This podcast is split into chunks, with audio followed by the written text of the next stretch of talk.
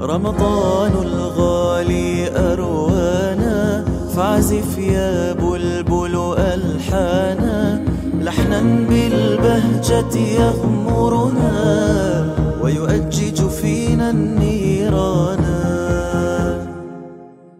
الحلقة العاشرة. الحمد لله والصلاة والسلام على رسول الله. السلام عليكم ورحمة الله.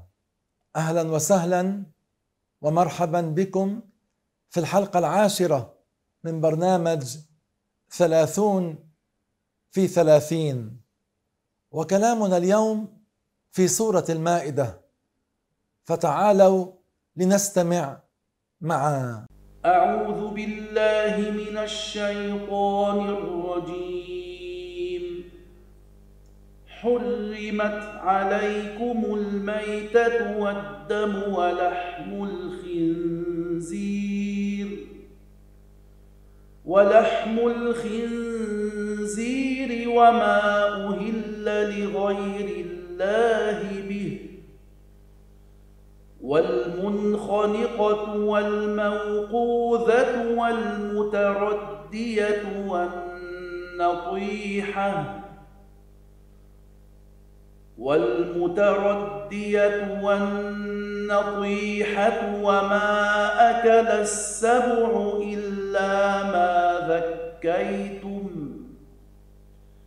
وما ذبح على النصب وأن تستقسموا بالأزلام ذلكم فسق. اليوم يئس الذين كفروا من دينكم فلا تخشوهم واخشون. فلا تخشوهم واخشون اليوم أكملت لكم دينكم وأتممت عليكم نعمتي. وأتممت عليكم نعمتي ورضيت لكم الإسلام دينا الله تبارك وتعالى ذكر في هذه الآية تحريم أكل الميتة ما هي الميتة؟ الميتة هي ما زالت حياتها بغير زكاة شرعية وكيف تكون الزكاة الشرعية؟ تكون الزكاة الشرعية بقطع مجريي الطعام والهواء بآلة حادة كالسكين وهذا يكون ممن تحل ذبيحته. فأكل الميتة حرام من الكبائر وكذا أكل اللحم المشكوك فيه. هل هذا اللحم ذكي الزكاة الشرعية أو لا؟ فقد قال رسول الله صلى الله عليه وسلم في الحديث الذي رواه الترمذي إذا أصبت صيدا بسهمك إذا أصبت صيدا بسهمك ثم غاب عنك فوقع في الماء فلم تدري أقتله السهم أم الماء فلا تأكل من هذا الحديث أخذ العلماء على أنه لا يجوز أكل اللحم المشكوك فيه ونقل الإجماع على ذلك القرافي المالكي في كتاب الفروق. ربنا قال حرمت عليكم الميتة والدم الدم المراد به الدم السائل المسفوح فيحرم أكله. حرمت عليكم الميتة والدم ولحم الخنزير. لم يحل في شريعة قط. فأكل لحم الخنزير حرام. وفيه حكمة. من ذلك أن الخنزير لا يغار. فالذي يتعود أكل لحم الخنزير لا يغار على امرأته. طبع الخنزير ينتقل إليه. حرمت عليكم الميتة والدم ولحم الخنزير وما أهل لغير الله به أي ما رفع عليه اسم غير الله تعالى وهذا أيضا لم يحل في شريعة قط. وهنا نذكر فائدة أن الرسول عليه الصلاة والسلام قال إن الله كتب الإحسان على كل شيء فإذا ذبحتم فأحسنوا الذبحة. إلى أن قال وليرح ذبيحته. أي من أراد أن يذبح شاة فليذبحها وهي غير مضطربة بحيث تكون مرتاحة. هذا ما معناه؟ معناه أن البهائم فيها روح.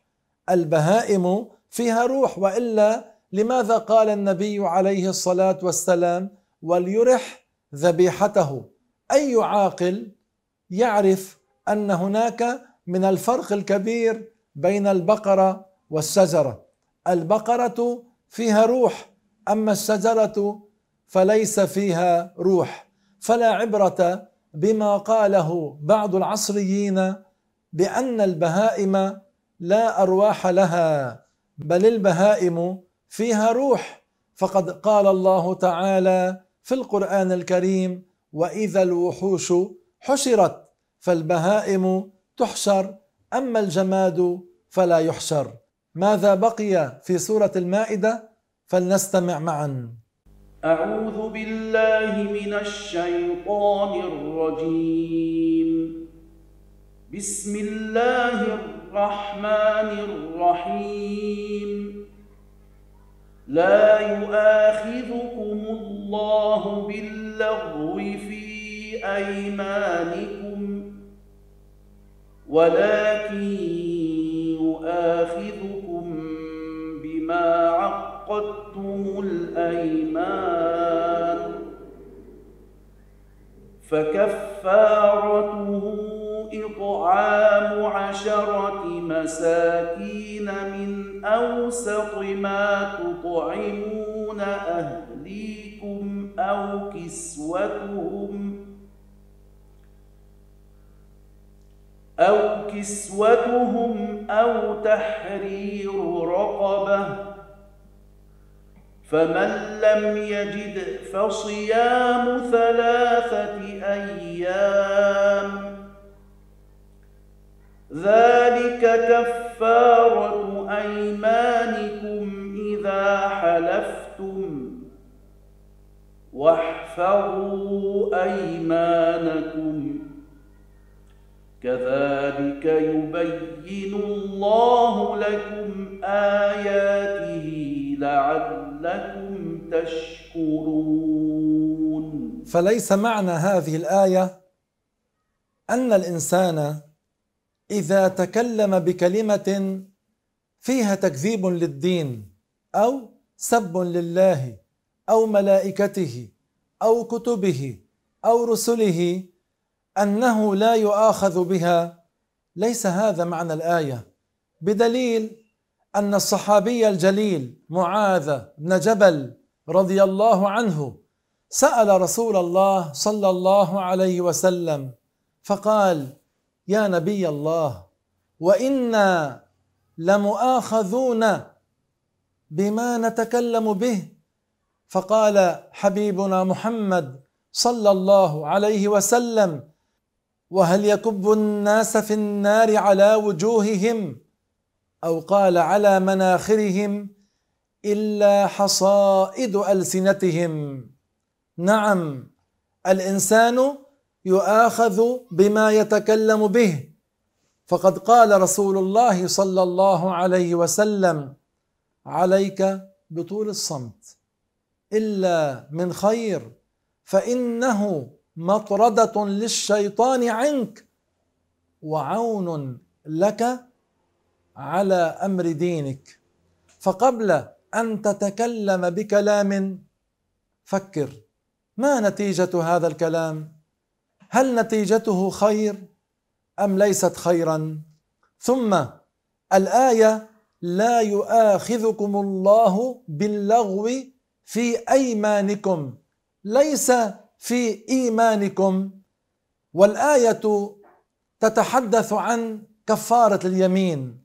هذا الذي يحلف بالله تعالى فيقول مثلا والله العظيم لا أشرب الشاي ثم شرب الشاي. يكون عليه كفارة يمين. ما هي كفارة اليمين؟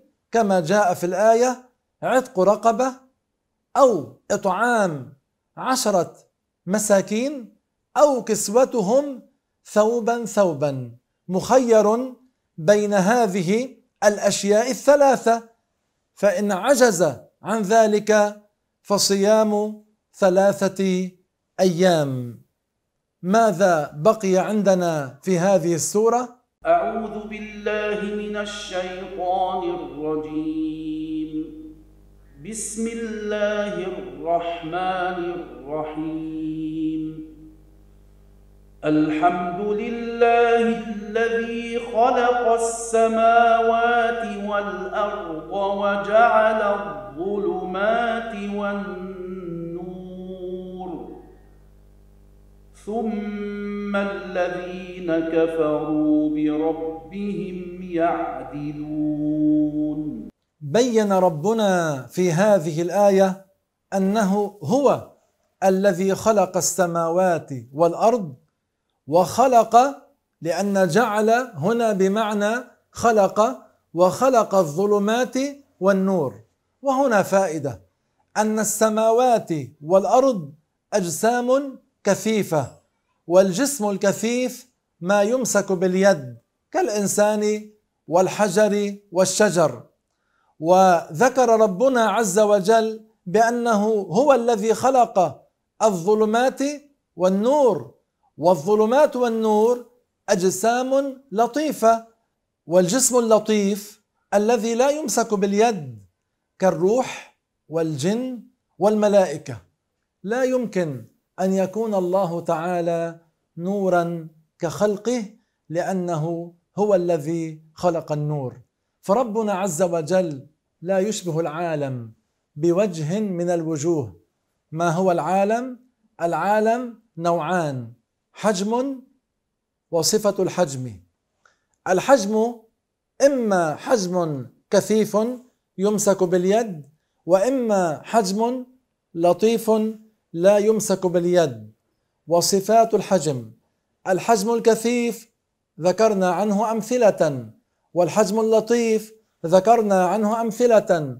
فربنا ليس حجما ولا يتصف بصفات الحجم كالحركة والسكون والاتصال والانفصال والصعود والنزول الحسي.